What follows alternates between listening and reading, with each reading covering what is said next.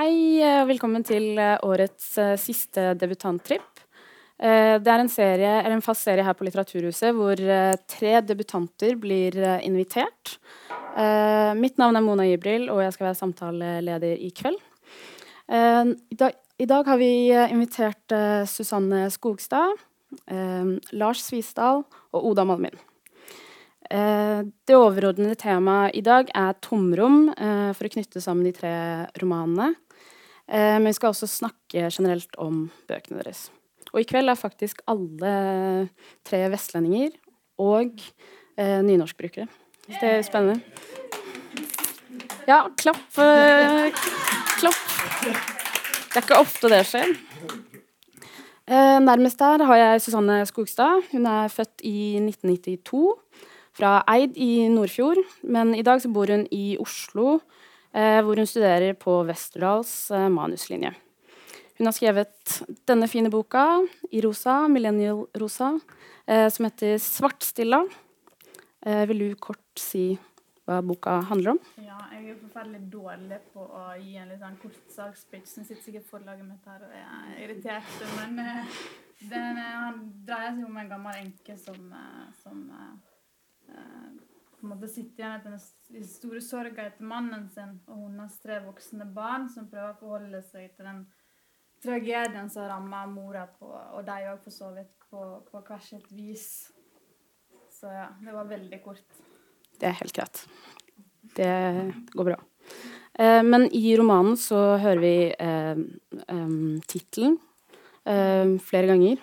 Mm. Vil du si hva det betyr? For jeg måtte google det. Ja, stille. Jeg vet ikke om det er et vestnorsk uttrykk, eller om det har eh, brukt eh, mer rundt om i landet, men det er jo et uttrykk for når eh, det er blikkstille, og vannet ligger helt i ro og er helt uh, dødt. Um, og i relasjon til boka så er jo på en måte Svartstilla uh, litt en metafor på den tilstanden hun befinner seg i. da. Mm. Ja. Absolutt. Mm. Eh, så lurte jeg på hvordan du kom frem til formen i romanen. For det er verken lyrikk eller prosa eller prosadikt. Det var veldig Det var luftig mm. og um, dynamisk, på en måte. Mm. Jeg syns det er litt vanskelig å si noe om fordi det er på en måte ubevisste prosesser som man plutselig skal sette ord på. Jeg tror det er egentlig bare den, eh, den rytmen jeg har, iallfall når jeg skriver nynorsk, som er sånn så det, det jeg, skriver, jeg, skriver, sånn i, når jeg skriver nynorsk andre ting òg. Mm. Så jeg tror det er bare min uh, si, indre rytme. Ja. Rett og slett. Grei rytme å ha, da. Ja, de lærde strid. ja. uh, du refererer til uh, Haldis Vesaas, den vest... eller norske lyrikeren. Uh, mm. Har du et sterkt forhold til henne? Uh, ja, altså sterkt og sterkt Jeg vet ikke om jeg har sånn enormt sterkt forhold til men uh, det er jo tydelige ting som har satt sitt preg og satt sitt spor, og som på en måte kommer fram i mitt arbeid, da. Mm. Men uh, Haldis Moen Vesaas er jo en fantastisk forfatter, men uh, jeg vet ikke om det er noe altså Kjempesterkt forhold har ikke jeg, men, men har du blitt Som vest, vestlending har man et OK sterkt forhold. Ja. Du har litt Moen Vesaas ved ja, ja. Sammen mot Norge. ja, ja. Vi er jo et eget land. Mm. Men eh, du skriver flere ganger eh, noe som jeg beskriver som stilla som fraværet av nærleiken. Vil du si hva mm. du legger i dette? Ja, det har vi jo kanskje kan gå litt inn på den overordna tematikken med tomrom. Jeg har jo prøvd å tenke litt på hva et uh, tomrom faktisk er. Og jeg krangla litt med, med, enka i uh, romanen, hørtes litt gal ut, det hørte jeg sjøl, om, om, hva et tomrom er. Hun uh, har jo sin egen formening om akkurat den saken som hun gir uttrykk for et par ganger i løpet av boka. At hun konsekvent nekter å kalle tomrom for tomrom. Hun kaller det for fravær. Og implikasjonen er at det har vært et nærvær. Så det er på en måte fraværet av det nærværet. Hun mener at det er en veldig viktig distinksjon mm. som eh, jeg har begynt å bli litt enig i. ja. Mm, ja, for det var, det var, det jeg tenkte på, at hun hadde et helt uh, eget forhold til det konseptet. Mm, og virker absolutt. som hun ikke er, ja, som du sier, enig i betydningen. Um, Nei, altså hun er jo uenig i at uh, et tomrom er jo på en måte noe som uh, Altså det er jo ingenting i et tomrom. Altså hun mener vel at fraværet er noe, det er ikke bare et tomrom. Og i forlengelsen av det så kan man jo kanskje tolke det som at uh, hun ikke mener at man kan uh, legge noe nytt i det tomrommet uten at noe av det som allerede har vært der, forsvinner ut. Så det på en mm. måte hjelper på en måte å forstå hennes aversjon mot å ville gå videre. Mm. At hun på en måte dyrker det tomrommet veldig heftig. Mm. Ja, det er jeg helt enig i. Mm. Um, men er det, hva er det som appellerer der? Er det også ensomheten i det som appellerer? Fordi hun har på en måte fremmedgjort seg fra alle barna sine. Mm. Er jo, nå er jo hun i eh, en fullstendig krisesituasjon når mannen har gått vekk. Dette er jo hennes apokalypse og ragnarok og hele greia. At mm. den mannen forsvant. Um, og det som overraska meg til dels når jeg eh, skrev ut hennes historie, var den veldig sånn insisterende viljen til å dyrke det tomrommet som jeg eh, lurte veldig på hva var for noe, som jeg har fundert veldig mye på i ettertid, og som jeg tror jeg har funnet ut av. Men det er jo en litt lengre eh, diskusjon. Men det er jo Det handler jo om at det er meningsbærende for hun å dyrke det tomrommet etter mannen. Mm. For liksom til vondere det gjør, til mer eh, til meg blir det, den enheten der var Eller den blir liksom opphøyd til noe sånn veldig transcendent og viktig for hun. Okay. Hvis det var forståelig for noen andre enn meg. Ja. Så hun er på en måte sett og vis en masochist, da? Det er sånn hun dealer med hverdagen? Ja, det er jo en måte å se det på. Det hørtes altså Det hørtes ut som hun hadde det veldig, veldig kjipt. Um, Nei, men hvis man um, Altså, hvis man ser Altså, den uh, uh, Det er en veldig sånn anerkjent greie i psykologien at, uh, at uh, følelse av mening og formål er veldig viktig for opprettholdelsen av et menneske. Og den østerrikske psykiater som het Viktor Frankel, sikkert flere kjenner til, som for øvrig overlevde holocaust, han sa at han gikk så langt at han mente at Eh, vil, menneskets vilje til mening ikke bare er en av de viktigste drivkreftene, men han mente at det var den viktigste drivkraften i et menneske. Og nå lever vi jo i en tid der vi på en måte i stor grad har brutt med tradisjonelle strukturer av overordna mening som vi har hatt i tusenvis av år gjennom religion og mytologi. Og så vi, Man kan nesten si at vi er de første mennesker som står her uten mål og mening. Og jeg tenker at noen At vi står står igjen og på en måte må kunne generere eh, en følelse av mening sjøl. Og de som ikke, jeg tror ikke det er alle som kan det i like stor grad. Og hvis man ikke evner å gjøre det, så er man i skikkelig trøbbel. Mm. Og eh, jeg føler at hun i mangelen Eller hun har hatt en veldig sånn sjelelig lengsel. Altså hun havner i et sånn eksistensielt vakuum, et eksistensielt tomrom, på en måte. Mm. Eh, og i forlengelsen av det så har hun på en måte, i mangel på øvre ting å legge på en måte meninga si, altså noe overordna, så legger hun det i mannen sin og på en måte det de er. Og problemet med det er jo at på en måte mennesket forvitrer jo, og hva da? Hmm. Det er jo akkurat det som skjer, at mannen dør. Og hva gjør hun da? Hmm. Det er jo en helt sånn voldsom idolisering av han også i ettertid. Mm. Og jeg leser eh, hovedpersonen som litt usympatisk, fordi hun eh, hun på en måte er bare glad i den eldste sønnen når han minner om eh, den avdøde faren. Mm. Var dette noe du skrev inn bevisst? Eller eventuelt var det viktig for deg at man skulle like hovedpersonen? Nei, det, var, det var, har ikke vært noe bevisst på. Eller det var ikke, var ikke bevisst på. Men hun er, hun er, jo, en, hun er jo, i oppløsning. Mm. Hun er et menneskeoppløsning. Hun har eh, vanvittige skylapper i den på en måte sorgen hun er i. da. hele grunnfjellet hennes har jo vakla og kollapsa, og Dovre har falt for lenge siden. Um, men det jeg opplever, at hun har et veldig Hun har et verdisystem som ikke korrelerer med sine barns verdisystem. Uh, og da spesielt eldstesønnen Jon, som du sikkert tenker på. Mm. Hun er i veldig opposisjon mot uh, den veldig hedonistiske tankegangen som på en måte rir vår tid. At på en måte lykke og det å være glad skal være på en måte de øverste øverste, altså det ypperste ting vi skal strebe etter. Og det Lykke er ikke noe som kan opprettholde deg i krise, og det vet hun veldig godt. Og det er en tullete ting å skulle strebe etter. Mm. For livet er jeg, en tragedie. Ja. Og man blir slått i trynet. Det vet alle. Uh, og da må man ha noe annet som kan på en måte opprettholde deg. Og um, ja Hvor skulle jeg nå? Vi kan uh, runde av med de, Vi kan runde av triste, med de triste ordene. Så kan du lese litt opp for oss isteden. Ja, Så kan vi bli mer triste.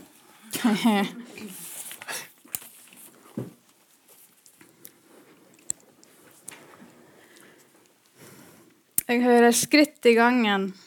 Jakob kommer inn og setter handleposene på kjøkkenbenken. Han tar ikke av seg skoene. Hei, vennen, sier jeg. Ser hvordan det treffer han, hvordan han stille lyser opp. Og jeg kjenner det blir dårlig. At det kommer en kjensle over meg som jeg kjenner så godt. Jeg har helst på mange en gang før. Og jeg kan se andletet ditt som blir hardt og slapt samtidig. Hvordan du blir møtt. Som om du ser noe ved meg du ikke visste om. Og du blir betenkt. Og jeg krymper meg under et blikk jeg ikke ser. Jeg som lovde å elske og ære deg. Jeg som måtte det. Skal jeg sette varene på plass for deg, mamma?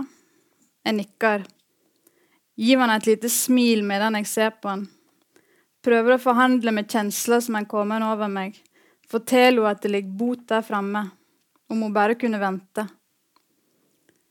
Jeg la litt penger på disken til deg, sier jeg. Han snur seg og ser tusenlappen som ligger der, rister på hovedet. Det er for mye, det kan jeg ikke ta imot. Ta dei, hva bruker jeg for dei? Han tar settelen, bretter han og putter han i lomma, takker og bukker overveldende, som han er vant til å gi og gi og aldri få. Som at jeg bare tek og tek og tek, og aldri skal jeg gi. Og det slår meg at jeg vil gi han hele verden, at han fortjener henne, at han har lidd for henne, men at hun ikke er min til å gi vekk. Han setter alle varene på plass i kjøleskapet og på hyllene, og jeg blir sittende og følge han med øynene der han røyver seg akkurat slik som du, og har akkurat de samme faktene, akkurat det samme håret, de samme øynene, og tanken på været han skulle hatt, forsvinner. Hun blir slukt av umuligheten ved at du ikke er mer, og i meg brest noe. Jeg kjenner det så godt. Det er nesten så jeg hører lyden av det noe som har brest tusen ganger før, som ei grein en bøyer på, til hun har vært mjuk og svak, og til slutt kanskje brest for siste gang. Så faller hun. Og jeg sitter her og knuer om henne. Og når Jakob snur seg kry og glad, så ser jeg bare vekk. Han prøver forsiktig å snakke til meg. Jeg bare nikker, vil ikke se deg. Jeg ser på han og ser at du ikke lenger er og noen ganger veit jeg ikke om du har vært i det hele. Og jeg lukker nesten øynene. Vil ikke se deg i kjøtt og blod. Vil ikke minnes på at du bare er noe som hører fortida til. Noe naturen har gjeve og tatt tilbake. Prøver å tenke at du er en annen stad. En stad der du er heil. En stad der du ikke kan forvitre. En stad der naturen ikke har noe makt en stad der han ikke er eneveldig. Og jeg trygler og jeg ber, tenker at det fins en slik stad, at han er i meg, at du er i meg, og at her er du trygg. Han prøver forsiktig en gang til. Jeg nikker igjen, vil at han skal gå. Vil ikke at han skal stå der til jeg ikke makter å holde det inne lenger. Vil ikke ha trøsta hans, vil ikke ha medkjensla hans, vil bare være i fred. Vil bare sitte alene og kjenne det riv til det er så vondt at jeg ikke kan skjønne at det skal være slik uten noen grunn. Til det er så vondt at jeg tror på det. Han takker igjen for pengene. Så går han. Jeg enser det usikre vinket før han leter døra bak seg. Og jeg lukker øynene helt. Kjenner hvor mye mor Kjenner hvor mye mer mor jeg egentlig er, som jeg ikke er. Som alle de andre tinga jeg egentlig er, som jeg ikke er. At du er faren, at han er sønnen, men at jeg ikke er mora. Og jeg kjenner skamma i det jeg ser blikket ditt, over at jeg ikke skal klare å reise meg. At jeg ikke klarer å være hun jeg ville være. Ei som var varm og raus, kompromissløs, hun som du fortjente. Kanskje var jeg hun. Men jeg er ikke hun lenger. For du er ikke lenger. Og aldri mer skal vel jeg verte den samme. Takk for meg.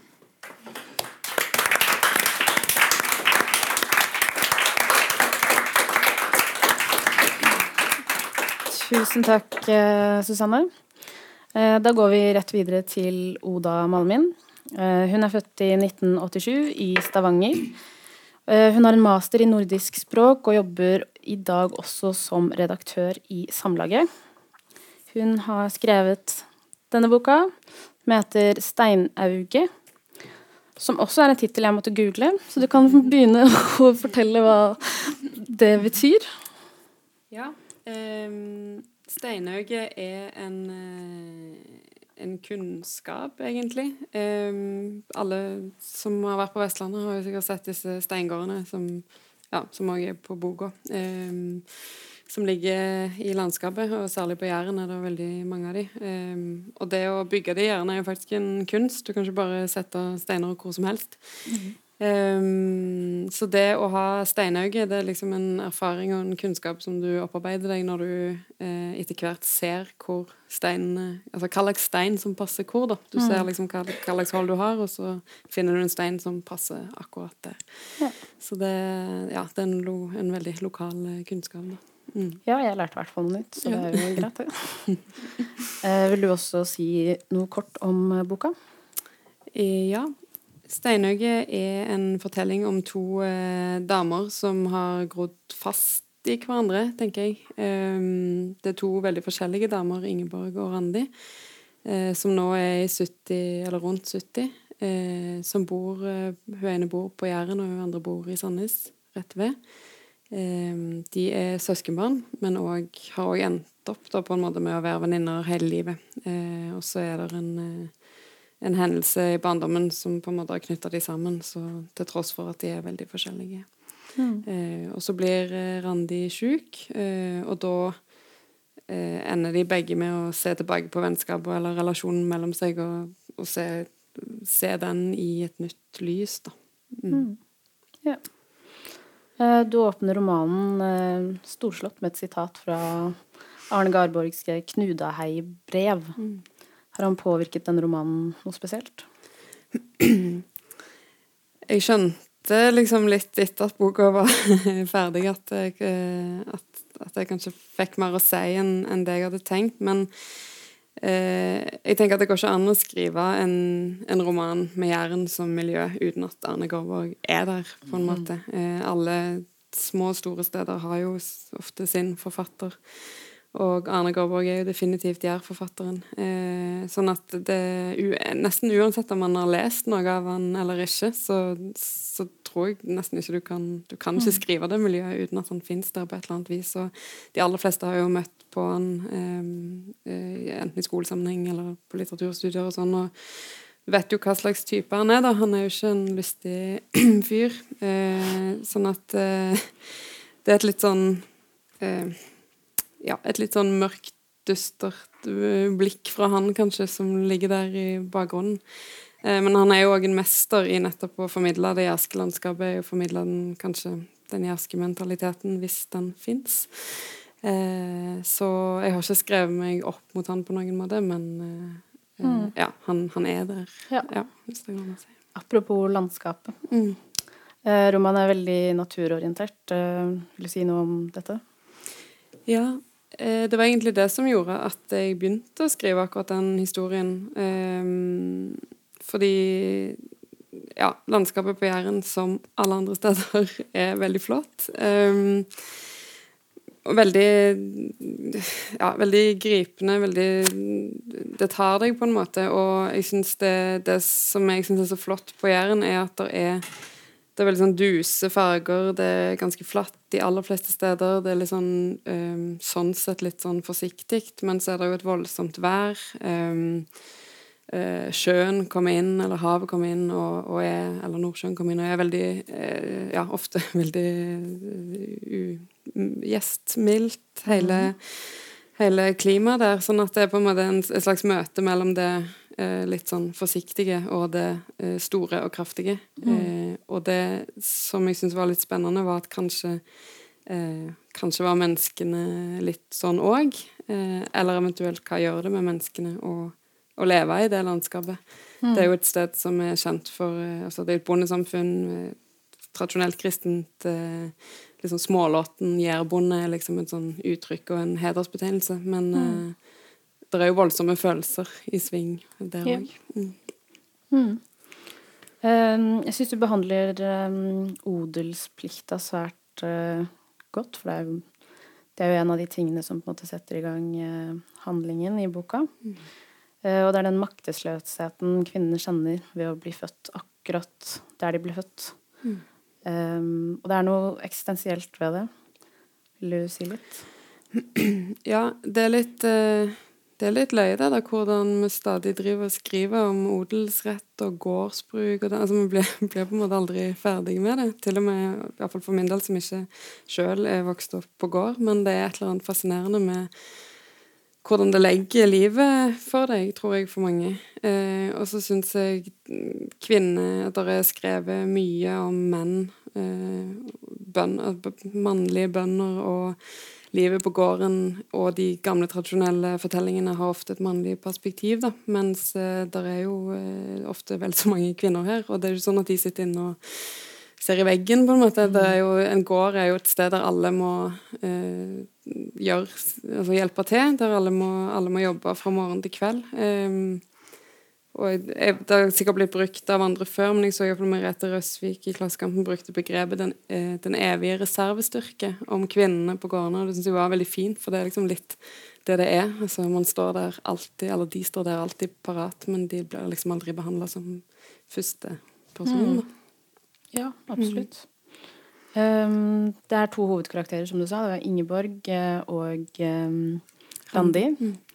Uh, og de to er veldig forskjellige. Mm. Uh, og jeg opplever på en måte uh, at hun ene Eller de er begge to veldig sultne etter mm. nærvær, men på veldig ulike måter. Mm.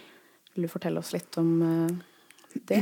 Ja, de er som du sier veldig forskjellige. Randi er veldig dominerende eh, og bestemt og voldsom og skal ha kontroll over alt fordi det er hennes måte å, å takle livet på, egentlig.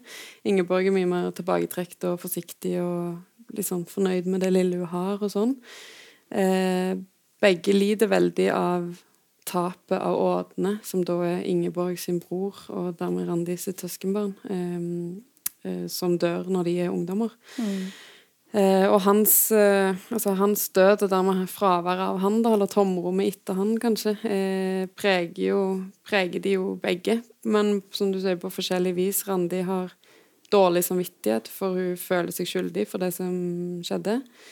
Eh, så fraværet av han, og det, altså det, at han ikke er der, er jo en slags konstant påminning om at hun kanskje har gjort noe hun ikke burde. Mm. Ender opp med at hun flytter hjem til Jærområdet, selv om hun egentlig ikke kunne vente med å komme seg vekk. Eh, gjør at hun har en konstant sånn dårlig samvittighet overfor Ingeborg, som hun dermed ender opp med å egentlig kontrollere veldig mye og bestemme over. Eh, men det er jo som du sier, altså hun som sagt, hennes måte, måte å takle livet på er å ta kontroll, men det gjør jo òg at hun skyver alle fra seg. Så hun har jo egentlig ingen nære. Eh, Iallfall ikke ubehagelig nære, på en måte. Ingeborg eh, har funnet den nærheten, tenker jeg, hos dyra sine i stor grad. Hun har en tolv melkekyr og har en katt og en hund og litt eh, sånne ting som liksom gir henne det hun trenger. Hun har i mye større grad kanskje forsont seg med det tapet. Men Mm. det er litt interessant, som Susanne sier, er det noe er det sånn at det ikke er plass til noe der fordi han er vekke? Altså Randi var òg forelska i Ådne, skal sies, så hun har jo på en måte mista sin store kjærlighet, tenker hun. Mens Ingeborg har mista en bror som var veldig nær. Og så kan noen erstatte det, eller må man prøve på en måte å gi rom til noe annet? Det er ingen av de som klarer å fylle det tomrommet, iallfall. Ja. Ble det veldig mange spoilers her, men uh, sånn er det. Jeg tror ikke Ja. Um, men um, romanen forteller både om eh, nåtida og i fortida. Eh, så hvordan har det vært å behandle, eller hvordan forberedte du deg for å skrive om eh, den jærske fortida? Eh, det har ikke vært bare enkelt. Jeg har eh, brukt mye tid på research, rett og slett. Intervjua veldig mye familie. Eh, og lest mye. Leida meg fram til Altså, Man skriver jo fiksjon, så man står jo fri, men man ønsker jo skal, eller jeg ønsker i hvert fall å skape et realistisk univers, og da er det en del ting som må stemme. og Det være, det er jo gjerne i småtinger man på en måte ser det. Så det har vært eh, mye graving og testing og feiling og dette med Altså, jeg har jeg har nær, eller Familien min kommer jo fra gård, og sånn, men jeg har ikke sjøl vokst opp på gård. og Da blir plutselig maskiner og rutiner noe du på en måte må, må lære deg. da. Og så er man jo, eller jeg har iallfall vært redd for å gjøre feil. Eh, fordi det er jo så lett når man skriver om et miljø som ikke er ens eget, eh, som en eh, påstår er realistisk, eh, å bli tatt på at ting skal være gale. Du brukte jo litt tid på denne boka, gjorde du ikke? Eh, jo, absolutt. Eh, ja, rundt eh, tre år, kanskje. Men ja, litt av og på. Men mm. ja. Men det skal sies at eh, det var god bruk av tida. For det Ikke at jeg har ikke vært på Jæren heller, men uh, verken nå eller før. Men det virket, uh, virket uh, troverdig. er. Mm. Ja, du kan kanskje lese litt fra boka? Ja, det kan jeg gjøre. Eh, jeg skal lese en scene fra, som er et tilbakeblikk fra når Randi Ingeborg er rundt 12-13 år, kanskje. Ingeborg vinka Randi til seg med handa. Kom og sjå. Randi gikk sakte mot henne. Det kjentes som det var noe hun ikke måtte ødelegge eller forstyrre. Framfor Ingeborg lå et lite reir. Det var formet som ei skål, med små, lyse dun spreide rundt nedi. Det minte Randi om gropene de pleide å lage i løa når høyet var skjørt inn. Oppi lå en liten fugleunge. Han var lys grå, fjørene så mer ut som pels, og øynene hans var lukka. Så liten han er, kvisker Randi. Lever han? Ja, men han er svak. Det er så vidt han åpner nebbet. Jeg fant han bare liggende her, helt aleine, sa Ingeborg. Han likner et lite menneske, bare at han har fjører, sa Randi. Hun la forsiktig fingeren på den lille fuglen og strøk han over kroppen. Det var noe med de lukka øynene, som om han hadde gjeva opp, som fikk det til å gjøre vondt inni henne. Ikke gjør det, nå vil ikke mora ha han tilbake. Ingeborg drog i armen til Randi. I samme øyeblikk hørte de lyden av kvister som knakk. Vi skal dra nå, dere må komme, sa Ådne, sveit etter flere timer med slått. Det var ikke tid til å holde hviledagen heilag når sola for en gangs skyld sto på. Han kom nærmere. Hva har dere der? En liten fugl, vel, sa Randi. Ådne sto stille. Vi får hjelpe han etterpå. Jeg kan ordne en kasse og noe mjukt til han når vi kommer tilbake, men kjerra er ute, vi er klare til å dra. Ingeborg reiste seg, hun så tvilende ut, men gjorde som vanlig som hun ble fortalt. Randi fikk seg ikke til å gå nå. Jeg blir her med han, sa hun og satte seg til rette. Drog strømpene lenger opp på leggen så barnålen ikke skulle stikke så fælt. Dra dere hvis dere absolutt må. Men Randi, far din var nettopp borti oss og lette etter deg. Han så ikke blid ut, sa Ådne med armene i kors. Vi kan hjelpe fuglen etterpå, det går fint, jeg lover. Randi så opp av deg. Skjønner ikke hvorfor vi drar dit engang, det er jo ingen her som tror på Gud. Far sier at det er viktig å holde på tradisjonene. Og alle andre gjør det, mumla Ådne. Det peip meg i stemmen hans, slik det gjorde ofte nå for tida. Han renska halsen, rød i ansiktet. Vi ses etterpå, da. Hun så ikke opp. Etter et par sekunder hørte hun at de snudde seg og sprang nedover mot huset. Stemmen deres klang mellom trærne, og hun mente hun hørte latter. Hjertet slo mot huda. Hun hadde trodd Ådne kom til å bli værende. Det rørte seg i brystet da hun så på den lille sporvungen som lå og gapte sakte ned i duna. Hun sneik seg til å stryke han enda litt mer, de myke fjørene var så glatte og gode mot fingertuppene. Mora hadde forlatt han uansett. Det slo henne at han nok var sulten, så hun begynte å grave i bakken etter makk hun kunne gi ham. Etter ei stund gikk det opp for henne at han kanskje frøs. Når de fikk kyllinger, hadde de ei varmelampe som hang over inngjerdinga inne ved garasjen, som hindra kyllingene fra å fryse i hjel. Hun tok reiret opp med ene handa og la det varsomt i kjoletøyet. Så gikk hun sakte nedover mot gården, prøvde å ikke skake han for mye. Lenge satt hun ved sida av det lille buret. Varmen fra den røde pæra hun hadde skrudd på, strålte i alle retninger. Hun kunne skjønne at panna var klam, men hun satt tålmodig med armen over kanten på buret, så etter teiken på at sporven skulle våkne til live. På et tidspunkt kom faren inn i rommet bak henne. Jaså, det er her du sitter. Hva har du der? En liten fugl. Mora har forlatt han, jeg prøver å få han til å ete. Faren satte seg på huk ved sida av henne, myste mot den lille bulten som ikke rørte på seg. Han kommer ikke til å klare seg. Men jeg tror han likte å få komme inn her i varmen. Hvis vi bare venter litt, far, så kanskje han våkner. Tøys, sa faren, før han lufta reiret opp fra buret med ene neven og la det på dreiebenken som sto like ved. Han tok en hammer ned fra veggen, og med én rask bevegelse svinga han metallet mot benken. Det hele skjedde overraskende stilt. Et par lydløse fjører, ikke større enn lillefingeren hennes, fløy rolig opp rundt hammeren, før de dalte sakte ned og la seg rundt reiret. Randi kunne se små, ferske bloddråper på de grove nevene til faren. Han hengte hammeren tilbake uten å tørke den rein, tok reiret i ene handa så det knakk i kvister, og kom mot henne. Randi lukka øynene. Han tok henne hardt under armen, lufta henne så beina dingla over gulvet, og så henne inn i øynene. Neste gang kjem du når vi skal dra. Nå går du rett til rommet ditt.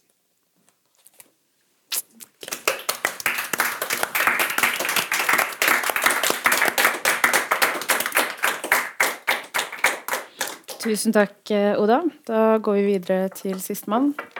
Eh, Lars Svisdal er født i 1985. Eh, vokste opp i Sunndal på Nordmøre, men bor i dag i Leikanger i Sogn, hvor han jobber som lærer. Han er utdanna innen litteraturvitenskap, engelsk og nordisk litteratur og språk. Eh, han har skrevet eh, den tjukkeste boka, og den leste jeg sist fordi jeg pyste, som ser sånn ut. Eh, den heter 'Seg til inches'. Og her må du også forklare tittelen, fordi den måtte jeg også google. Ja. Fant du noe? Eh, jeg forsto sånn cirka ut ifra konteksten. Ja. Um, uh, det er sånn type ingen uh, som har skjønt den. Um, um, det er egentlig sånn fjas fra min side, fordi jeg hadde ikke noe tittel uh, i mange, mange år. Og så gikk jeg til broren min, og så snakka vi plutselig om sånn sauavl. Og så bruker han et, et begrep der som jeg syns er veldig interessant. I avlen, egentlig. På Nordmøre så sier de at eh, et dyr er tinnkjest hvis det ikke kan formere seg. Hvis det er sterilt, så er det tinnkjest. Du kan også være tinnkjest, du er udugelig. Du kan være tinnkjest med en hammer. At du ikke får til ting. At du er helt sånn her, du er helt bortkommet. Um, og tinnkjest er bare en sånn skrivelse av at du, at du gjør det sjøl til innkjest. Til innkjest mm. du, du, forslår ingenting, da. Mm. Og så tenkte jeg at det var eh, morsomt å bruke et begrep fra saueavlen på boka mi som ingen ja. kunne skjønne. Eh, og så gjorde jeg det. okay. Greit. Da er det ikke bare jeg som er dum som ikke forstår det. Uh, det, så, ja. det da, da, føler jeg meg mye bedre. Ja. Uh, Så da kan du uh, si litt om romanen din, du også. Ja. Um, det er en roman som handler om mange, mange ting. Supermange ting. Uh, men um, på en måte navet da, i historien er ei jente som er 18 år, og som skal jobbe en sommer på ei turisthytte um, på fjellet. Uh, og hun uh, kommer fra eh, litt sånn rufsete kår. um, med foreldre som akkurat gjennomgått en skilsmisse, som er ganske heftig. Uh, og så havner hun da på en turisthytte hos et ektepar som driver den, som også har sine ting å stri med.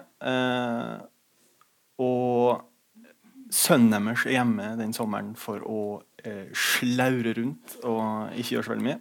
Så det er liksom de personene hun treffer på der. Eh, og så eh, står hun i en situasjon som er veldig, veldig kinkig. da. Hun har havna i en veldig kinkig posisjon som hun må takle i løpet av en sommer. Mm. Og så Skjer det veldig mye. Ja, Veldig, veldig mye. veldig dramatisk. Mm. Ja. Det, om det er en ting jeg lurer på, så er det hun uh, jenta Gjøa, heter. Gjøa. ja. Hvordan fant du på det navnet? Det er satt og uh, leita i bygdeboka.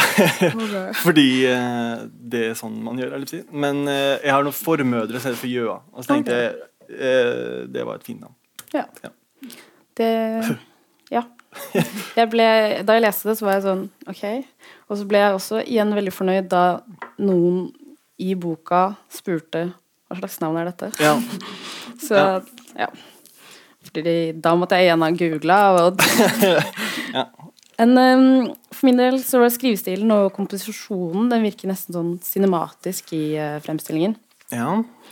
Uh, hva var tanken bak uh, den formen? Komposisjonen. Mm. Em, det er et resultat at jeg kjeder meg sånn superfort. Eh, så jeg må eh, ha liksom forskjellige ting å gjøre. Iallfall i begynnelsen. da.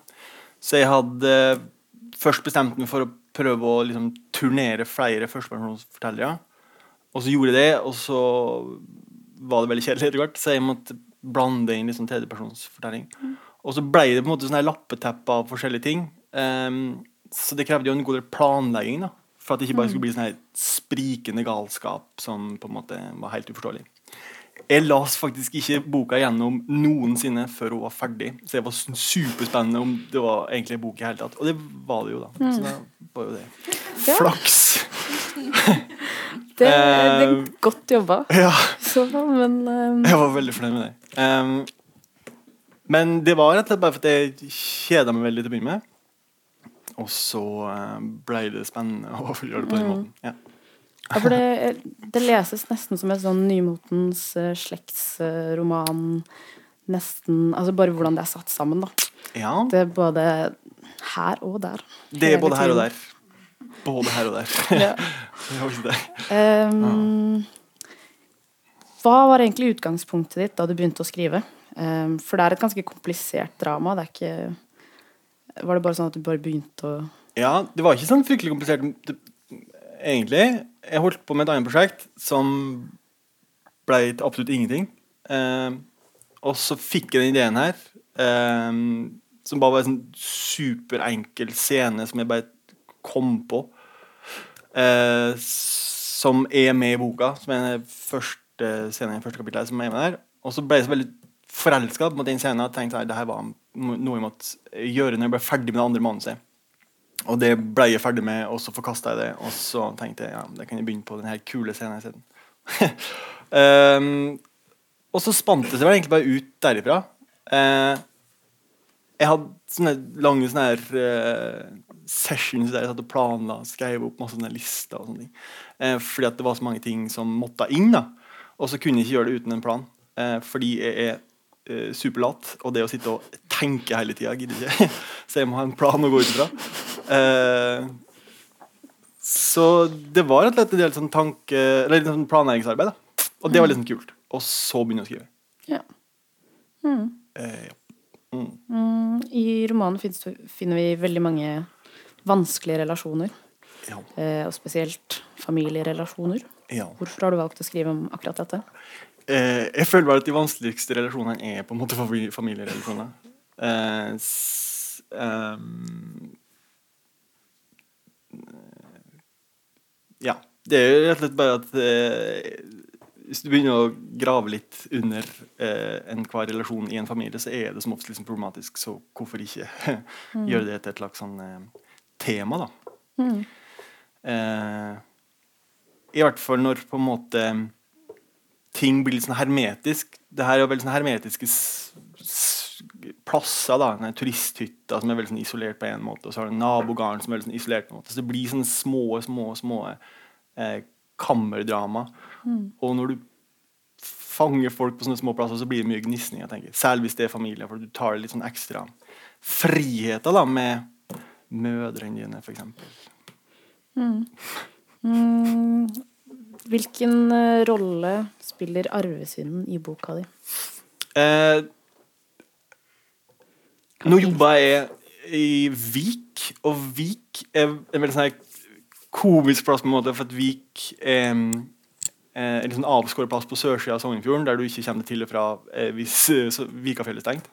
Um, og det har vært veldig tilflytting og fraflytting her. Så alle, det finnes åtte etternavn som alle sammen har.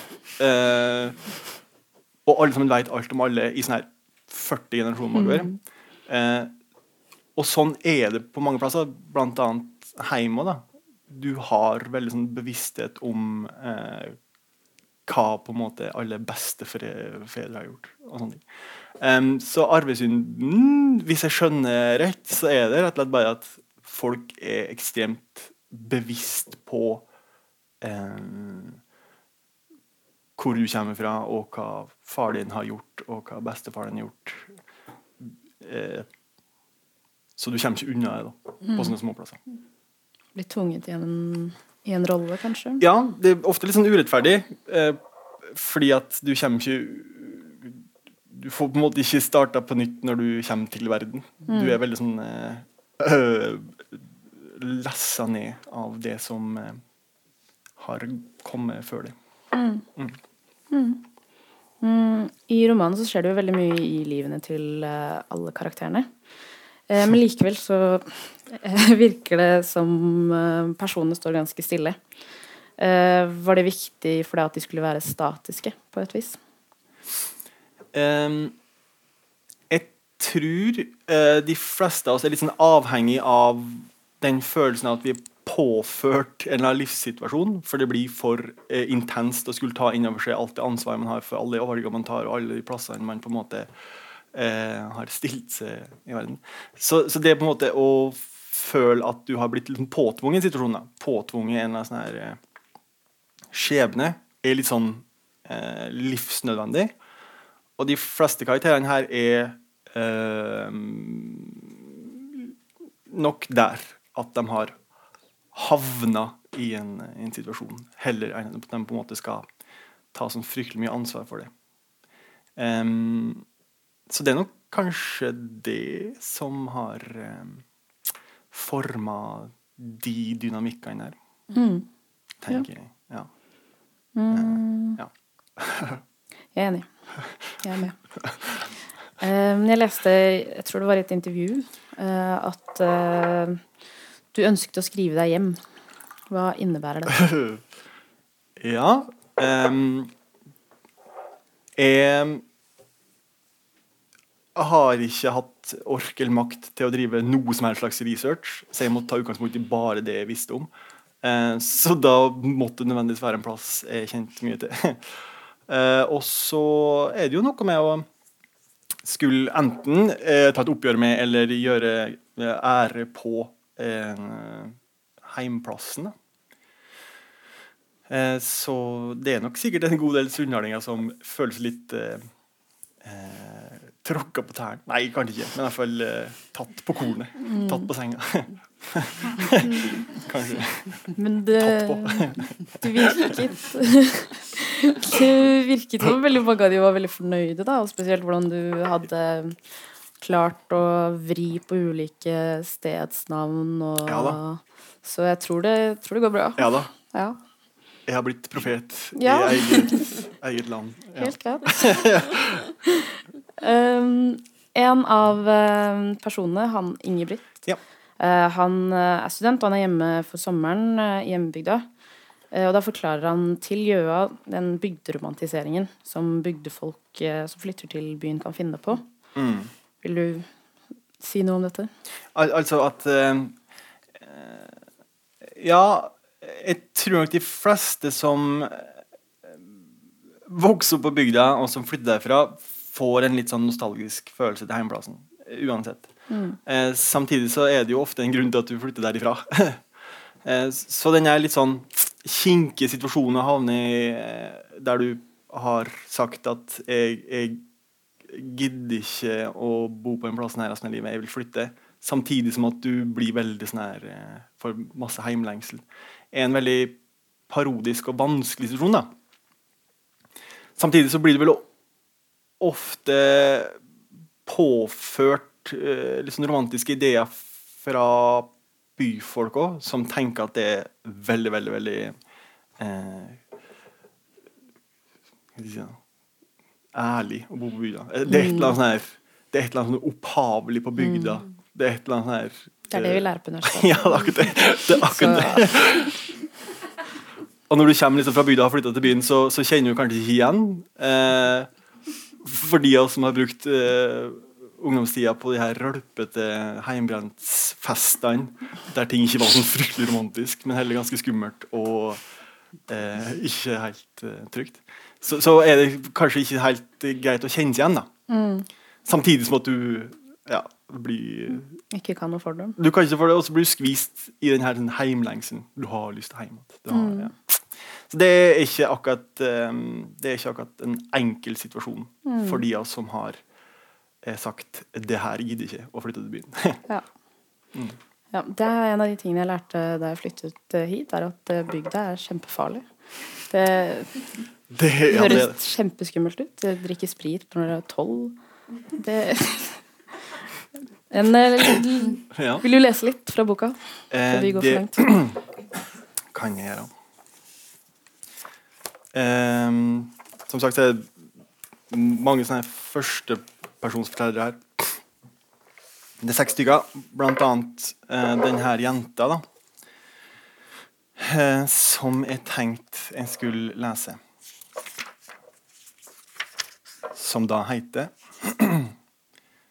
eh, Gjøa.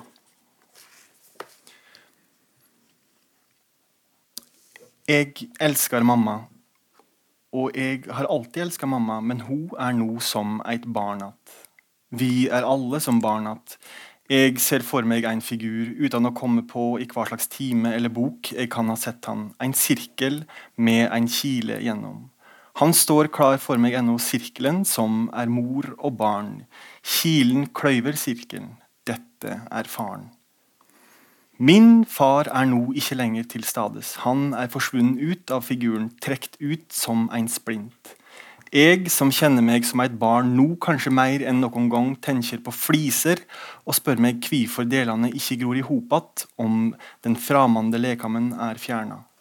Men sirkelen er og blir ikke bare kløyvd, men også kløyvd opp i like store deler. Så hva med denne andre kvinna som min far har kilt seg inn i?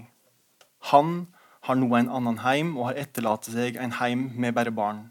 Hva slags heim er denne nye? Jeg kan ikke forestille meg at dette er noen lykkelig heim.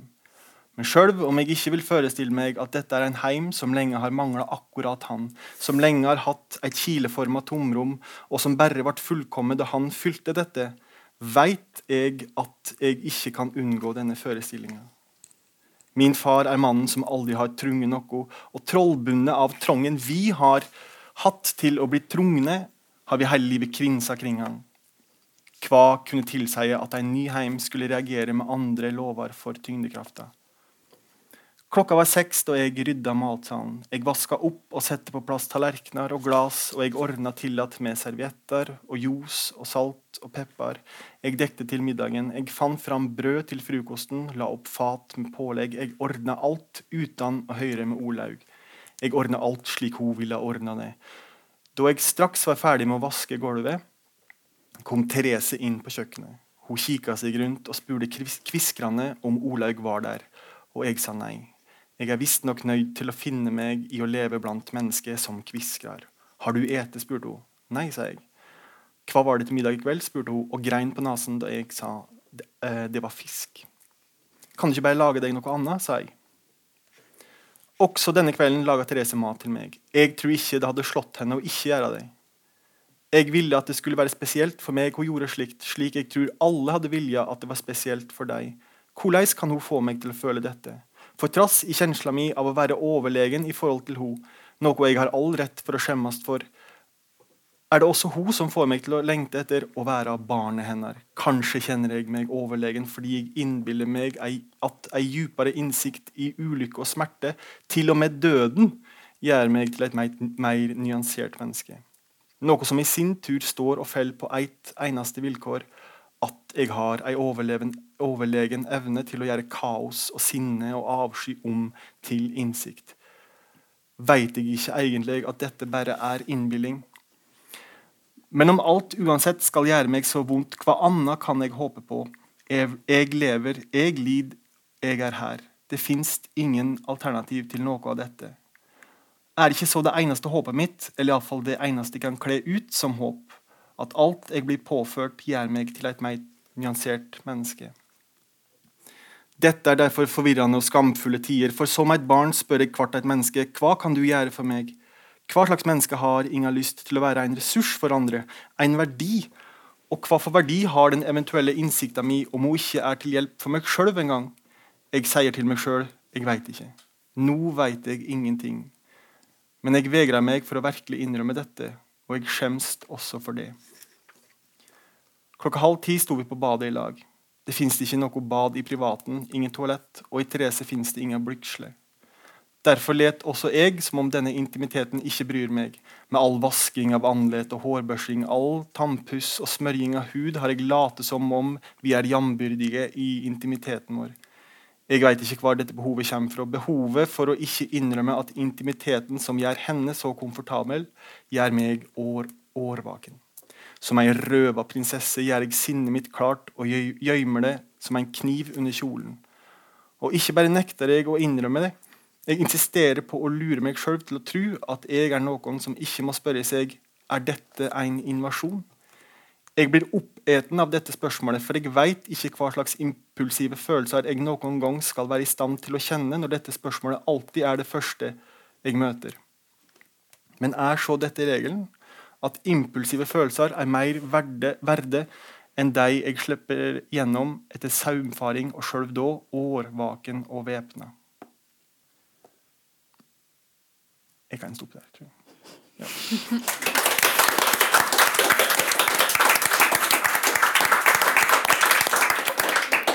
Tusen takk. Um, dere skriver alle tre veldig ulike nynorsk, som dere kanskje hørte, eller eventuelt har lest. Um, for, um, for, min del så var det en veldig stor sånn uh, omveltning hver eneste gang jeg skulle bruke, begynne på en ny bok. Eh, men hvordan fant dere stemmen deres i nynorsken? Jeg kan begynne med deg, Susanne. Ja. Nei, eh, vi var jo så vidt inne på det i stad at uh, det er bare intuitivt sånn min rytme er, tror jeg. Mm. Uh, litt interessant om jeg har en lignende rytme på bokmål. Jeg har ikke testa ut ennå. Men uh, Neste prosjekt? Det er neste prosjekt. Men uh, på nynorsk så har jeg iallfall uh, eh, veldig sånn Ja, så iallfall rytmen er veldig viktig. Det er en stort sett ubevisst prosess, egentlig, det med mm. språk. Ja. Hva med deg?